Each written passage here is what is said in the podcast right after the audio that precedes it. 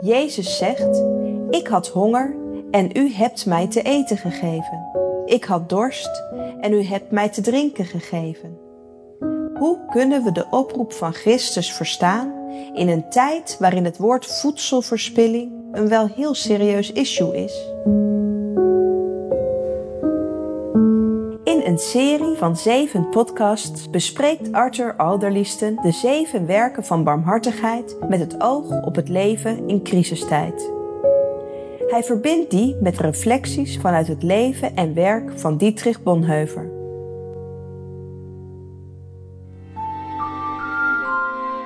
Dit is een productie van weetwatjegelooft.nl. In deze podcast aflevering 3 Eten en drinken geven.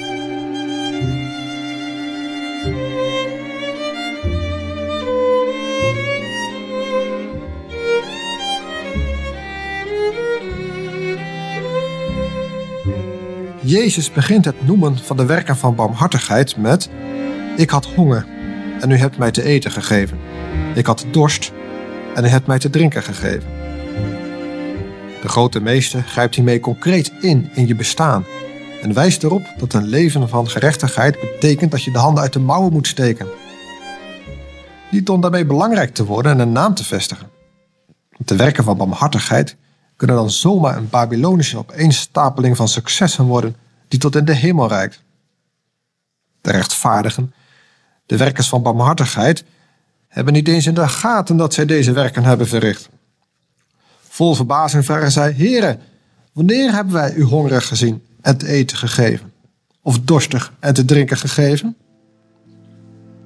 De meester van Alkmaar, die de werken in verf tot uitdrukking bracht op zijn zeven wereldbedoelde panelen, die te zien zijn in het Rijksmuseum in Amsterdam, interpreteerde het uitdelen van brood als een werk dat bescheiden en belangeloos wordt gedaan.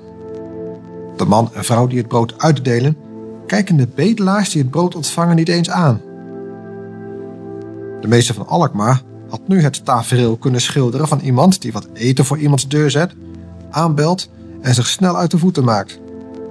Niet alleen vanwege besmettingsgevaar, maar ook om de bescheidenheid te accentueren.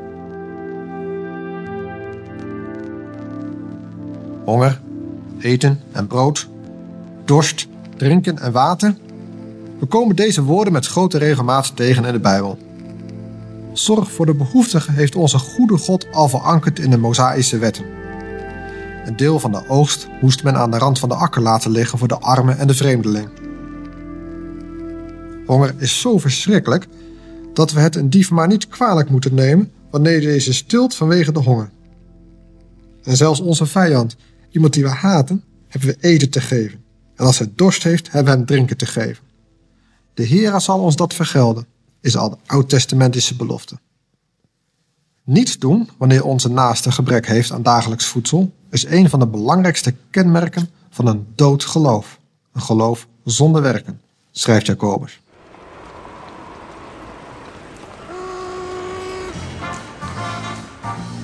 Opnieuw luisteren naar Dietrich Bonhoeffer.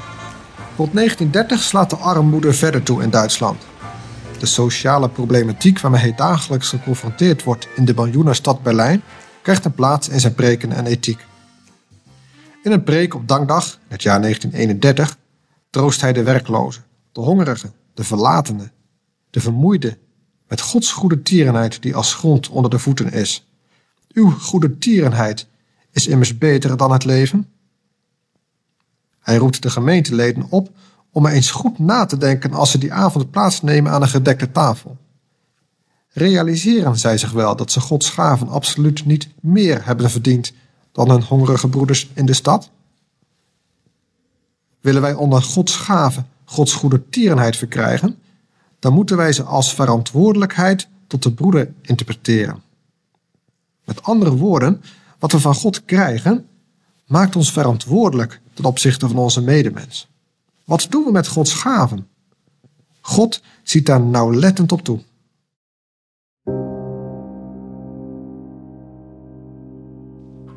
Bonhoeffer verbindt het delen van brood met het christelijke gemeenschapsleven. Brood behoort gedeeld te worden. We bidden met de woorden van het Onze Vader immers om ons dagelijks brood en niet om mijn dagelijks brood. Wij delen ons brood, zegt Bonhoeffer. En op deze manier zijn we niet alleen geestelijk, maar met ons gehele aardse bestaan vast met elkaar verbonden. Zolang wij ons brood gemeenschappelijk eten, zal je ook aan het minste genoeg hebben. Maar waar iemand zijn eigen brood voor zichzelf wil houden, begint de honger. Dat is een wonderlijke wet van God. Denk maar aan het manna dat bedierf wanneer een Israëliet te inhalig was. Zou de geschiedenis van de wonderbare spijziging van de 5000 met twee visjes en vijf broden ook niet deze betekenis hebben?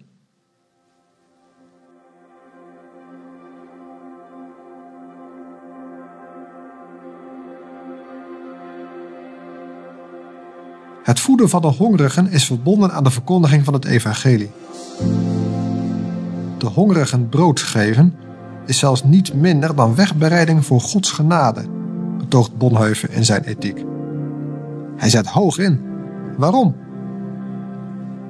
Een van de meest wezenlijke gedachtenlijnen die Bonhoeffer in zijn ethiek uitzet, is het onderscheid tussen de laatste en de voorlaatste dingen. Het gaat om het verschil tussen het rijk van God en het aardse. Het laatste gaat over het koninkrijk van God. Het voorlaatste over de wereld waarin wij leven. In een brief van 5 december 1943 schrijft hij: We leven in het voorlaatste en geloven in het laatste. Het laatste is beslissend, maar het voorlaatste is de plaats waar wij worden opgeroepen om Christus concreet na te volgen. Door het voorlaatste baant Christus met zijn woord zich een weg naar het laatste. Het brengt Bonhoeffer tot de uitspraak dat het voorlaatste omwille van het laatste in stand gehouden moet worden. Als voorbeeld noemt hij een slaaf. Het is niet goed wanneer hij zoveel tijd kwijt is met werken voor zijn meester, dat we zeggen in het voorlaatste, dat hij niet meer in staat is de verkondiging van het woord van God te horen, dat we zeggen het laatste. Bonhoeffer vervolgt de hongerige heeft brood nodig. Het zou een lastering van God en de naaste zijn om de hongerende hongerig te laten, want juist in de diepste nood is God het meest nabij. Omwille van de liefde van Christus, die evenzeer de hongerige geldt als mezelf, breken wij het brood met hem. Wanneer de hongerige niet tot geloof komt, dan is degene die hem het brood weigert daar schuldig aan de hongerige brood verschaffen is wegbereiding voor het komen van de genade. Bonhoeffer voert zo de druk om voor de hongerigen te zorgen dus maximaal op. Het is noodzaak om degene te helpen aan wie niemand deze dienst bewijst, voor wie niemand de weg bereidt. De naasten moeten nu geholpen worden, zodat het woord van God, het laatste, de genade, tot hen kan komen.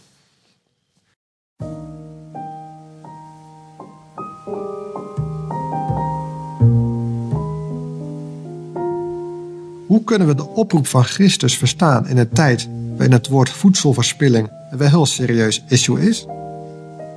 Vanuit westers perspectief kunnen we zeggen dat slechts weinigen sterven van de honger, maar honderdduizenden sterven van het eten. Ongeveer 14% van de boodschappen in Nederland landt ongebruikt in de vuilnisbak. Tegelijk geldt wereldwijd dat honger en ondervoeding gezondheidsrisico nummer 1 zijn. Meer dan aids, malaria en tuberculose samen. Zo sterft de ene mens op aarde vanwege gemis aan veilig drinkwater. De ander gebruikt 120 liter per dag en spoelt er zijn persoonlijke afvalstoffen mee weg. We kunnen ons daarom wel afvragen of het zorgen voor hongerigen en dorstigen wel een werk van barmhartigheid is. Is het niet eerder een plicht van gerechtigheid? Maar Jezus vraagt van de gerechtvaardigde niet de wereldproblemen op te lossen. Het is niet, er was honger en je hebt de hongerproblematiek opgelost. Er was dorst en je hebt de waterschaarste weten te kenteren. Nee, het gaat de heiland om de mensen als zodanig. De hongerigen en de dorstigen. Het gaat Jezus om hen die concreet je levenspad kruisen.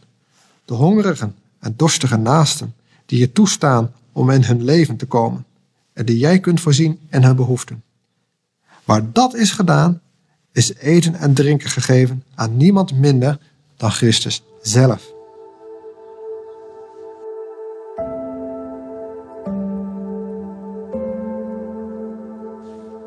Tot slot een gedeelte uit Bonhoeffers gedicht Geluk en Ongeluk. Het is het uur van de trouw, het uur van de moeder en de geliefde het uur van de vriend en de broer. Trouw verheft alle ongeluk en omhult het stil met een milde, goddelijke glans.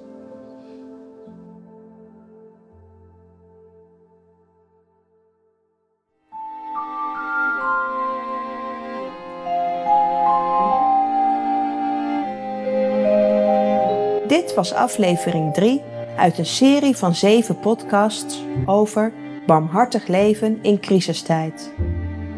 Meer weten? Bestel het boekje Barmhartig Leven. De zeven werken van barmhartigheid.